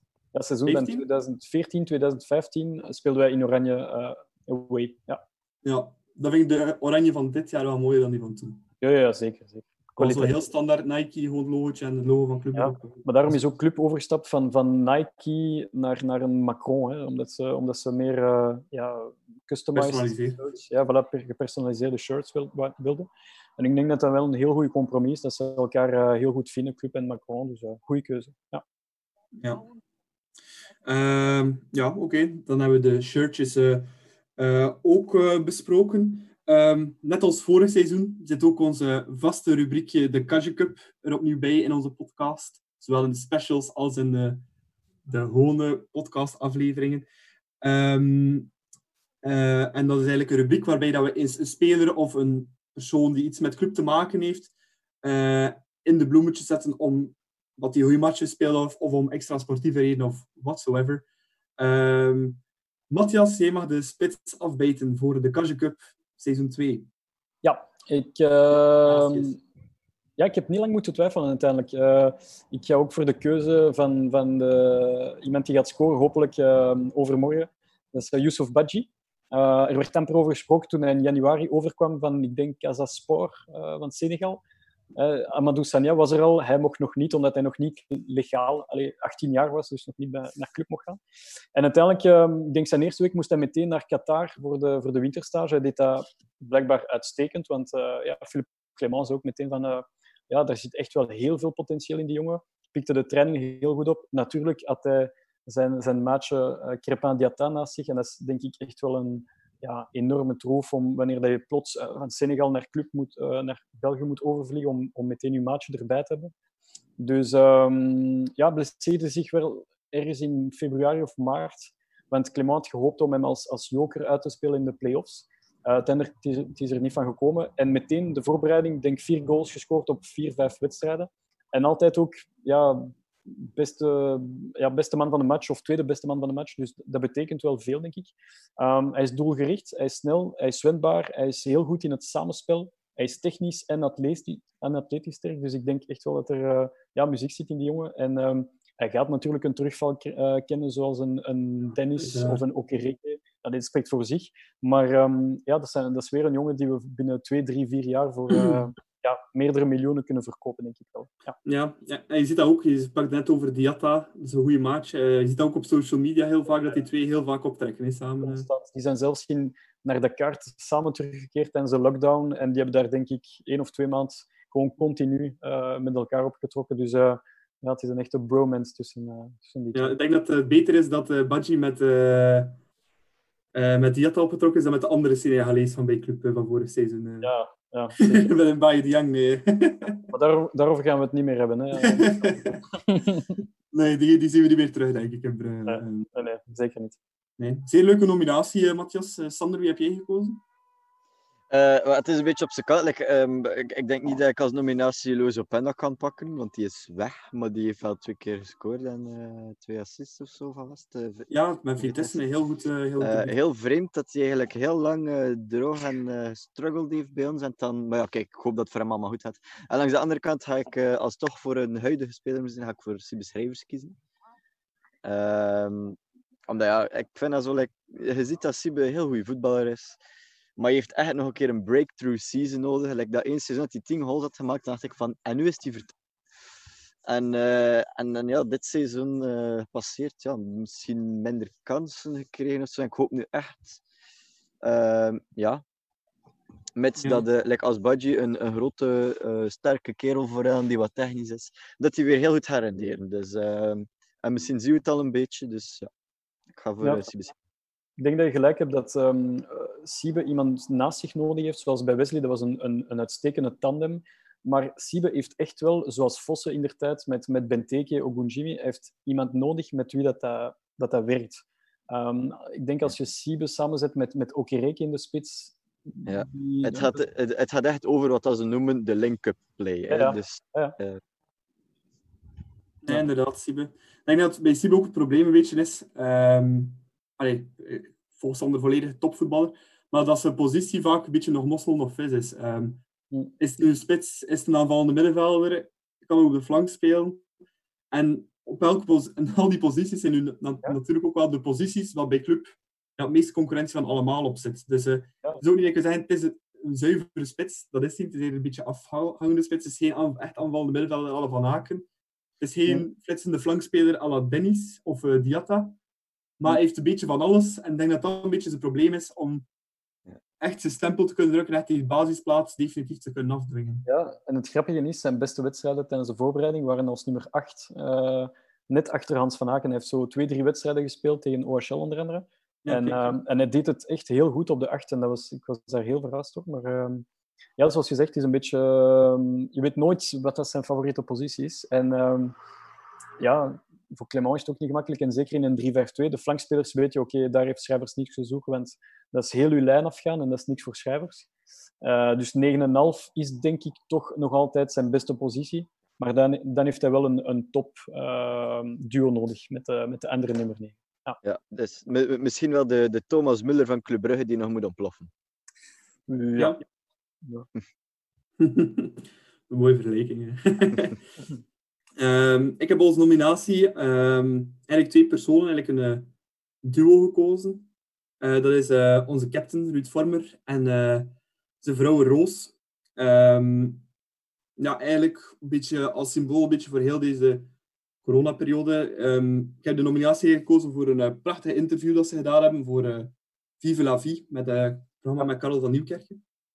Ehm, ja, waarin dat ze eigenlijk een beetje heel die situatie uitleggen van hoe dat ze dat gedaan tijdens corona. Dat Ruud Vormer ineens van eh, profvoetballer met de voetjes onder tafel elke avond eh een echte huisvader is geworden die eh havermoutpannenkoekjes voor zo'n klein mannen moest maken.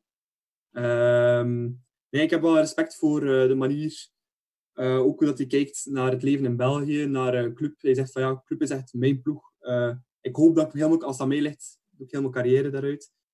Ehm, en een beetje voor al die redenen samen, ehm, ja, zijn dat mijn twee, allee, is dat mijn nominatie voor, eh, voor de Kaja Cup. Dus eh, ja, Ruud Vormer en Roos. Maar de vraag is natuurlijk, wie gaan we nemen? Ehm, ik was persoonlijk al fan van Matthias voor uh, Badji, zo'n jonge speler, een extra boost geven. Me Oh. wel iets leuks. Ik, eh, ik ga toch voor uw keuze, Nico. Want ik, ehm, ja, de cirkel is rond met corona. En inderdaad, ik heb die aflevering ook gezien. ehm Vive la Vie. En ik vond het echt een heel een prachtige aflevering met uh, pianospeel erachter. En, en ja, beetje de corona versus voetbal. Dus eh, ja, de cirkel is een beetje rond. Dus ik, eh, ik ga toch voor uw keuze. Ja. Ja, Sander, jij, jij hebt... Ik, ik, ik denk dat Theo misschien ook de beste is. Like, ik denk Budgie, die heeft nu wel goede oefenwedstrijden gespeeld, maar het, het echte bewijs zit er nog aan te komen. En dan, ja, Siebe weet wat dat hij kan. En ik hoop nu gewoon dat hij hopelijk nog een keer kan vertrekken. Maar ja, ik denk dat de jou er dan nog net iets meer bovenuit steekt. Dus eh, ik ga hem er wel bij aansluiten. Bij eh ja. Roos Dus, en eh, Ruud. En Roos, deze is Ruud voor en. Roos. nee, zeer verdiende eerste Cup van eh, dit seizoen voor eh, Ruud en Roos Vormer. Ehm, dan zijn we aangekomen aan het eh, laatste rubriekje van vanavond. En ja, wat kan het anders zijn? We zijn zomer en dat betekent transfermarkt. Ehm, dus we hebben een klein rubriekje over onze transfermarkt. En we hebben ook binnen het rubriekje transfermarkt hebben we ook een leuk onderdeeltje. En dat is eentje dat we gaan doen zolang dat de transfermarkt loopt. En dat is de Fantasy Mannaard. Eh, waarbij dat elke, eh, deel, allee, elke deelnemer aan de podcast eh, één speler naar voren mag schuiven die hij vindt dat echt een absolute opportuniteit is voor Vincent Mannaert en co. om naar eh club te halen. Ehm, ik laat misschien onze specialist transfers de kop afbijten. Matthias, jij mag je eerste speler naar voren schuiven. Ik heb, eh, het was ook zo'n beetje een no-brainer eh, keuze die ik, eh, waarvoor dat ik geopt- geopteerd heb. Uh, Edmilson Jr. Ehm, er werd natuurlijk al heel wat over geschreven in de media, gelinkt aan ons. Sportvoetbalmagazine kwam ook met, eh, ja, met de breaking news dat het eh, ja, bijna een done deal is. We zijn nu wel een maand verder en, en het is nog altijd niet van dat, maar het ziet hopelijk wel goed komen. Ehm, maar er zijn heel veel redenen waarom dat ik heel graag uh, Edmilson naar club zie komen. Um, eerst en vooral, hij is Belg. En ik denk dat we stilletjes aan toch moeten nadenken aan het uh, Belgenregel bij club, want zoveel zijn er niet, niet meer. Um, met toch al een paar vertrekkers, zoals een Vlietink, een Openda. Um, dus ja, die Belgenregel moeten wij wel, wel in het oog houden. Um, Edmilson kan links en rechts uit de voeten. Hij kan ook centraal als tweede spits. Dus ik denk wel dat uh, Edmilson perfect in, in uh, Clement zijn systeem. Maar wel, zijn beste positie is wel in een 4-3-3 van op de flank. Daar is hij echt moordend. En hebben wij dat ook gezien tegen uh, met Standaard. Ehm, hij kan een match op zijn eentje beslissen, à Izquierdo, uh, wanneer dat het op slot. Uh, ik denk aan de Cup Final. Als je daar een, een hebt, uh, het is heel lang 0-0 en dan plots die flits en toch 1-0. Dus zo'n Nielsen kan echt wel van pas komen. Hij is nog redelijk jong, denk ik 25 jaar of zo. En um, gezien de huidige kern is dat ook niet onbelangrijk om, om toch wel van die jonge jongens ook aan te trekken. En uh, met het quasi zeker vertrek van Dennis en wie weet Diatta, hopelijk van niet, want ik vind altijd dat je die Diatta nog één jaartje moet houden. Uh, heb je sowieso nood aan één extra winger met direct rendement. Ze spraken over Shadley uh, een paar weken geleden, maar Shadley wil ik liever niet zien komen. en dan denk ik dat Nielsen een, een veel betere optie zou zijn. En oké, dat het een moeilijke jongen is, geloof ik ook niet. het, is, oké, het is misschien een beetje een, een deugeniet. Maar laten wij, allee, we gaan er geen diagnose van maken, want die is compleet hoorcategorie. En, uh, en wat dat hij uitspookt in zijn privéleven maakt op zich heel weinig uit. Als hij maar op de club tijdens de matchen en in de kleedkamer zich gedraagt, is dat voor mij perfect. En uh, hij moet gewoon ons matchen doen winnen. En dat is denk ik het uh, allerbelangrijkste voor Clement en voor ons ook. Voilà. En Nelson Junior. Ja, hele mooie.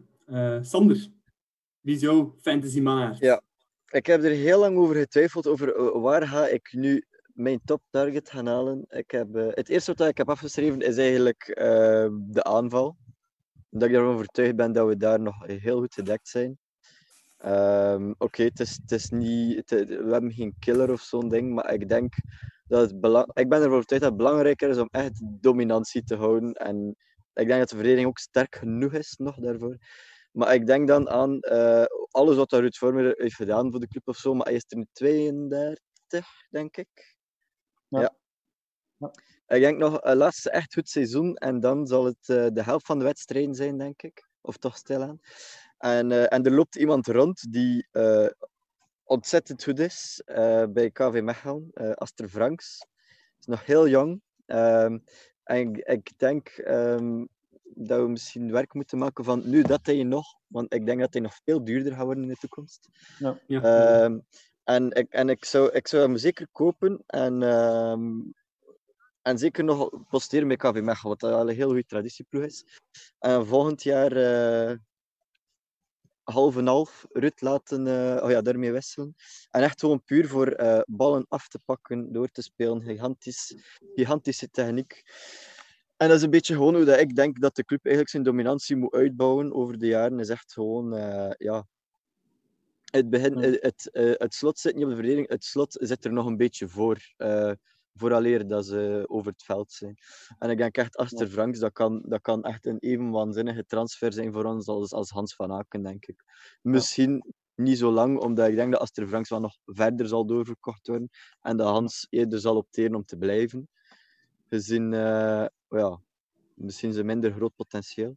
En, maar ik zeg het, ja, en, en ook een hele jonge speler, ook een Belg, telt ook mee. Uh, en ik, ik, ik ben fan, hè. Ik bedoel, die, die, die lijkt echt super hard op Moussa Dembele. En die is ook echt, ja, iedereen waar die ooit mee samen heeft gespeeld, zeggen van, ja, dat is de beste voetballer dat ik ooit heb gezien. Uh, en ik weet niet, ja, het is echt een hele speciaal. Hè. Dus uh, ik, ik, ik, ik ben fan. Dus, uh, en ik denk, gezien zijn marktwaarde nu, het zal alleen maar duurder worden. Ik denk dat nu al het moment is om er iets mee te doen en hem nog eventjes wat meer ervaring te laten opdoen.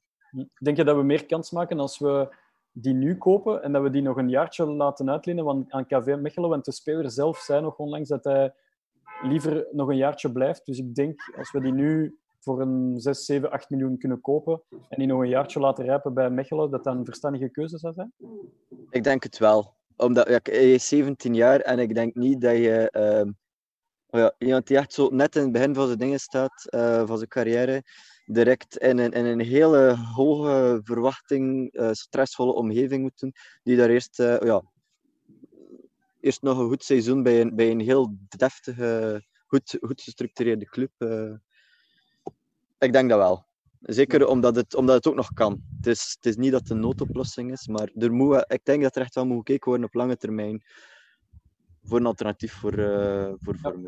Sowieso. En ik ben fan, nee, dus ja, kijk, uh, ik, ik mag hier fantasy manhart zijn, dus uh, ik ben fan. Ik Ik heb ook een, uh, een fantasy manhart speler ge gekozen. Het is iets over een totaal andere boeg. ik ga het niet in België zoeken of iemand die al in België gespeeld heeft. Um, het is zelf geen, niet eens een Europeaan of Zuid-Amerikaan. Het is Wu Lei. Is eh, momenteel eh, topspeler bij eh Espanyol. Barcelona. Ja, die zijn eh, net gedegradeerd uit eh, La Liga. Dus dat lijkt me ook wel een opportuniteit om daar eh, een speler te gaan halen. Ehm even een keer kort schetsen. Moulay is een van de topspelers van het Chinese nationale elftal. Hij was de jongste debutant ooit in de Chinese Super League. Hij was maar 14 jaar en 287 dagen oud toen dat hij debuteerde, op zijn 14 al. Hij is eh, all-time topscorer bij Shanghai SIPG. Eh, en daar spelen onder andere op dit moment eh, Oscar Arnautovic en Hulk bij. Ehm, hij is tweede topscorer aller tijden van de competitie. Ehm, hij is Chinees kampioen geworden in 2017, 18. Hij is dan ook topschutter geworden. Hij is ook Chinees gouden schoen geweest in 2018. En hij is eh, vijf jaar op rij gekozen geweest tot beste Chinees uit de competitie. Ehm, en op zijn 18e gedebuteerd voor de nationale ploeg. Eh, het is een snelle, polyvalente linksvoor met uitstekend positiespel en neus voor goals. Eh, hij heeft al iets van 70 caps voor de Chinese nationale ploeg. Ehm, en zijn contract loopt af in eh, december. Dus dat is misschien ook wel eh, Ja. makkelijk om te gaan halen. En je denkt, ja, die speler kost onwaarschijnlijk veel geld. Ehm, zijn marktwaarde op dit moment op transfermarkt is 8 miljoen. Dus dat valt nog net binnen de normen misschien van club voor dat te halen. Als, ze, als je weet dat ze met eh, spelers als Wanyama en Mignolet zijn bezig geweest. En, En, Gaich. eh, wat blieft? En En Gaich. Ja, inderdaad, daar ze 15 miljoen voor geven. En naast het eh, sportieve is het ook commercieel, denk ik, een heel interessante transfer voor eh, extra sponsors en zo binnen te halen. Want eh, Om een beetje te... te ja, want Ja. En, en wil Dus, dat dan zeggen dat de Twitter van de club gaat volgespamd worden met Chinezen in plaats van ja, Zuid-Afrikanen? dat zou wel eens kunnen, want eh, in China is hij ongelooflijk populair. Bij zijn debuut bij Espanyol in La Liga, dat was tegen Valladolid, dus geen hoogvlier, waren er 25 miljoen Chinezen aan het kijken. Eh, dus laat staan, als hij zijn debuut maakt in de Champions League, denk dat er ook wel 25 miljoen Chinezen zullen kijken. Dus, eh, Ja. dus ja, Wu Lei, eh, ja, de Chinees. En ik kan ook nog, is ook nog een keer goed met de kop. Eh scoort Ja. ook regelmatig met het hoofd. Dus een beetje de, de, de son van de Aldi, eh, misschien. eh. Maar, eh, mooie keuze. dus eh, vandaar Wu Lei. eh schrijf maar op, Vincent. Dat zou een keer interessant kunnen worden. Ehm, dan denk ik dat iedereen zijn eh fantasy mannaard speler heeft gegeven. Ehm, dan komen we bij het allerlaatste puntje. Ehm, en dat zijn eh, de transferdilemma's. Eh, ik heb zes leuke transferdilemma's voor jullie beiden. Het is oftewel optie A, oftewel optie B. There is no in-between. Dus je moet kiezen. Ja. Ik zal ze jullie alle twee voorleggen. De allereerste. Ik heb die vorige podcast een keer aan eh, Matthias voorgelegd, maar ik ben benieuwd wat dat Sander gaat zeggen. En ik heb nog net iets moeilijker gemaakt, dat dilemma. Eh Mignolet of Van Aken? Als één van de twee moet vertrekken, wie laat je gaan? Eh, Mignolet. Matthias? Mignolet. Ja? Je is ouder, je is meer waard en ik denk dat hij makkelijker te vervangen is. Ja, het is, het, is, eh, het is een hartverscheurende keuze, want in de vorige podcast had je gezegd Matta, Mignolet of Van Aken. En nu heb je, nu heb je mijn, mijn optie eruit gehaald en heb je een nog moeilijker. Dat is gewoon eh, dat is niet fair. Maar nee, als ik, als ik echt, echt, echt, echt moet kiezen, dan, eh, allee, dan ga ik toch voor, eh, voor Mignolet. Wa- Hans van Aken is ook 27, die kan nog eh, vier uitstekende jaren bij de club spelen. En ja, en als je Mignolet wegdoet, ga je er wel nog redelijk wat geld voor krijgen, denk ik. Dus 20 miljoen, hè, Nico? Zo is het. 20 miljoen, denk ik. Ehm, tweede dilemma. Ehm Touw, Percy Touw die vertrekt van eh club, die gaat weg. Maar eh, stel dat hij naar een concurrent zou moeten vertrekken. Naar wie laat je hem liever gaan? Naar Anderlecht of naar AA Gent? Sander. eh, Maar je staat in de picture bij Paarswit, hè? Al even. wat betekent dat nog in de picture staan bij Paarswet tegenwoordig? Ehm goh. Het is al zo moeilijk van eh, wat wil je het beste, wil je het beste voor Percy Tau of het slechtste voor je tegenstander? Hè? Ehm, goh, ik zou zeggen, eh, ik wens Percy het beste toe sportief, dus dan denk ik van eh, laat hem maar naar Anderlecht gaan, waar hij gaat spelen, hopelijk. Hopelijk. Matthias? Ja, hetzelfde. Touw heeft eh, meer speelkans en speeltijd bij Anderlecht. Hij was vierde, vijfde keuze bij ons, soms zelfs zesde keuze. Dus ik gun een eerste keuze voor, eh, voor Anderlecht. En dan zie je ook meteen het verschil tussen Anderlecht en Club. Dus, eh, dus daarom Anderlecht. Ja. Ja, oké. Derde dilemma. Ehm eh, oftewel het Milson binnenhalen, oftewel Osai Samuel, die op de radar stond van club eh, van QPR. Op de, op de flight radar of de radar gewoon? Flight radar. nee, nee, nee. Uh, Samuel of eh, Matthias? Eh, no-brainer, Edmilson. Ik blijf bij mijn keuze. Omdat uh, weet je meteen wat je eraan hebt. En, ehm, en omdat die Samuel voel je ook dat hij probeert te leuren bij de, bij de Premier League ploegen om daar ook een, een contract te scoren bij Crystal Palace, heb ik gelezen vandaag. Dus dan ga ik echt wel voor een Edmilson die, uh, ja, die een match op zijn eentje kan beslissen. En bij Samuel heb ik iets te veel het gevoel ook van te veel oogkleppen. à la Dennis. Uh, ik vind Dennis trouwens een fantastisch goede speler. Um, maar ik ga toch voor Edmilson. En het is een Belg, dus dat is ook een argument. Ja, uh, ik, ik denk eigenlijk krak op dezelfde reden inderdaad. Ik denk dat ook, um, als je tussen die twee moet kiezen, dat je veel, mee, veel gevaarlijker gaat zijn met dit Milson inderdaad. Ook al is het uh, dat hij uh, 60 minuten of 70 minuten slecht gaat spelen. Ja. Scoop ballen ban en dan toch die holma. En dat is wel iets dat de club wel echt mist. Dus uh, ja, als je moet kiezen, een din of een din. Ik denk dat we een redelijke no-brainer is inderdaad, wij zeggen Matthijs. Ik denk dat het ook het makkelijkste dilemma was uh, van vandaag. ik vind het nog oké dilemma's. Uh... Ja, oké. Okay. De, de, vierde. Uh, Sander. Uh, Jan Vertongen naar club of Wesley Goed? Uh, Wesley Goed, ja. Ik denk, uh, denk dat Jan Vertongen een te grote paycheck gaat hebben, waardoor dat we minder middelen ergens anders gaan kunnen investeren.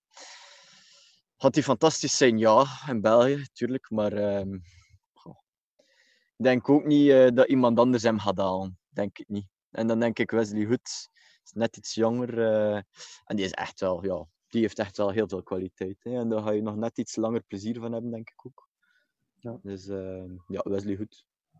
Plus is misschien ook net iets grappiger als je hem natuurlijk van een Antwerp haalt.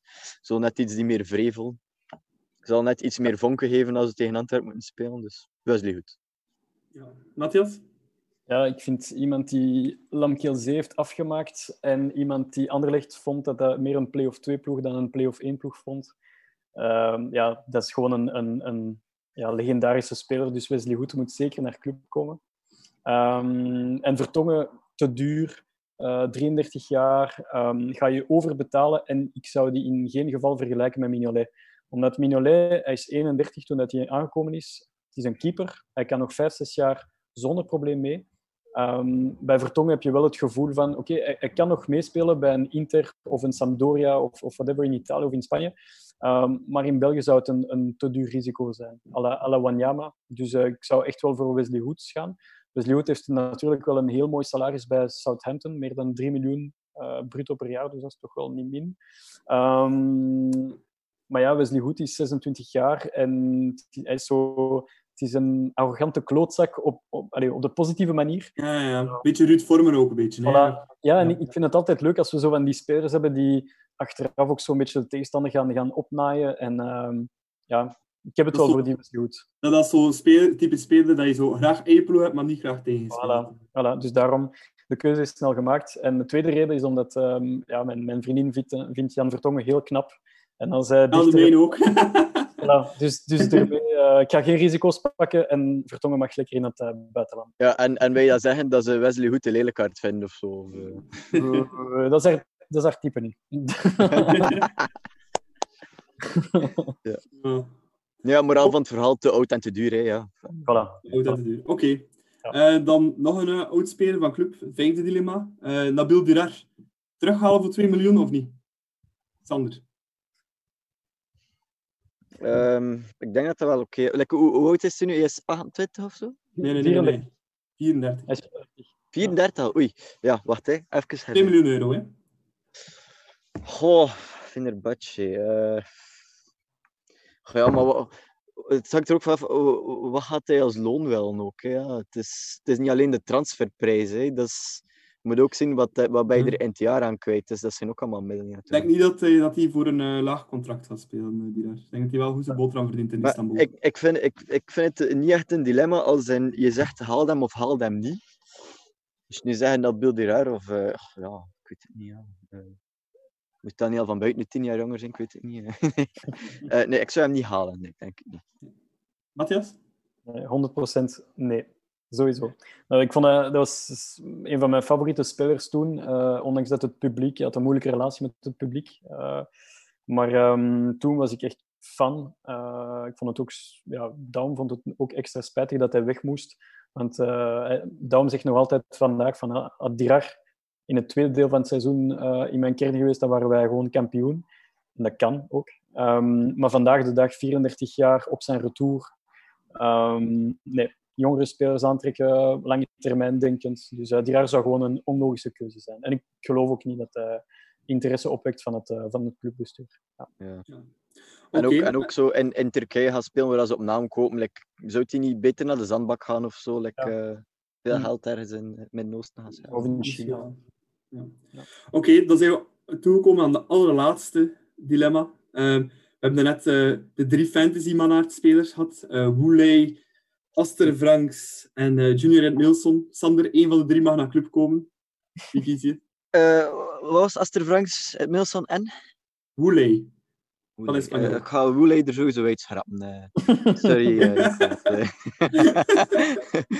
Ehm, goh, ik zit nog altijd een beetje overtuigd van het feit. eh, van, van, ik zit nog altijd in de overtuiging dat de spitsen nog altijd echt moeten getest worden. En dat dat dit seizoen zal blijken. Of dat dat Sava voldoende is of niet. En, ehm, ik ga egoïstisch zijn. Ik ga voor Aster Franks gaan. Sorry, ik ben fan. Hè, Ja. Nee, Aster Franks. hè. rechte keuze. En Matthias? Ik blijf bij mijn keuze. Dat is ook egoïstisch, maar eh, ik, ben, ik ben 300% overtuigd van, uh, van Nielsen. Nee, je weet niet wat je mist door met Woeley. eh. Dus we zitten hier gewoon allemaal voor ons eigen kwartenspan. eh ik heb- maar bon, ja, nee, terechte keuze, terechte keuze. Zo, sowieso. Eh, Oké, dat was het eh, allerlaatste transferdilemmaatje, ook het allerlaatste puntje. En Nico, wie kies jij? Ja, wie denk je? Uiteraard, Aster Franks. Oeh, hè. nee, ja, aan de toekomst denken. hè. Nee, ik, ik denk echt, Woeley, als die in België speelt, die speelt alles kapot. Sowieso. Sowieso. Oké. Hij is, is, beter, hij is beter dan het Wilson. Neus voor goals. En dan keer de commerciële waarde erbij. Ik denk dat, eh, dat we dan de Aziatische markt ook misschien een beetje op kunnen gaan met club. Nico, dan weet je wat je moet doen. Hè? Vincent.manhart.clubbrugge.be. hè. Ja, ik ga gewoon eh, de transfermarktlink doorsturen. Eh Voilà. Maak een, maak een ijzersterke case. En, eh, En gaan Woelij Maar- naar België. eh. Nee, ik ben zeker dat het een sensatie zijn in de competitie. Maar bon. Ehm, dan zijn we op het allerlaatste puntje gekomen van vandaag. We vandaag afrond. Ehm, als je zelf ook leuke inzendingen hebt voor eh, de Fantasy Manart, mag je die ook altijd mailen naar uh, podcast.bluesfcb.be. Eh, als je daar leuke teksten nog bij zit, dan gaan we dat zeker vermelden in onze volgende podcast.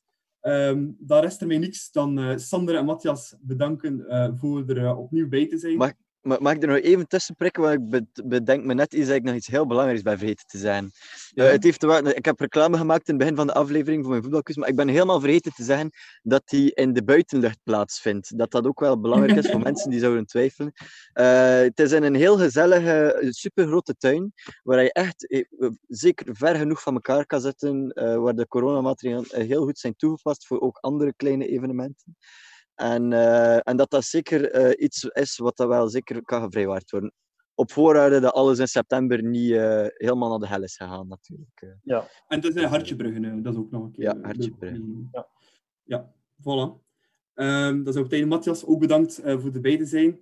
En eh, Birger, die achter de schermen alles aan het regelen is, eh, ook zeker en vast eh, een dikke merci. Ehm, normaal gezien, als alles goed gaat, zijn we eh 10 of 11 augustus terug met een eh, volgende aflevering van de Klokken na de eerste speeldag van onze competitie. En ik kan al verklappen dat er een eh, gast gaat bij zijn als alles goed gaat. Eh, een hele toffe. Maar eh dat ga ik nog eventjes geheim houden totdat het eh zover is. Dus eh, we zien jullie terug dan voor eh, aflevering 2 van seizoen 2 van de Klokken. Eh, ja, tot ziens en een goede avond iedereen. Bedankt. Ciao. Ciao. Ciao.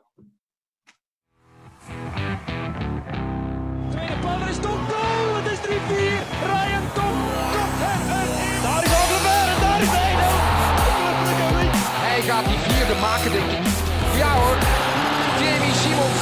4 tegen 0. Bal nog eens even. Refailov nu. De goal voor Refailov. De goal voor Refailov met de linker. Geulemans, Christian tegen de paal en binnen.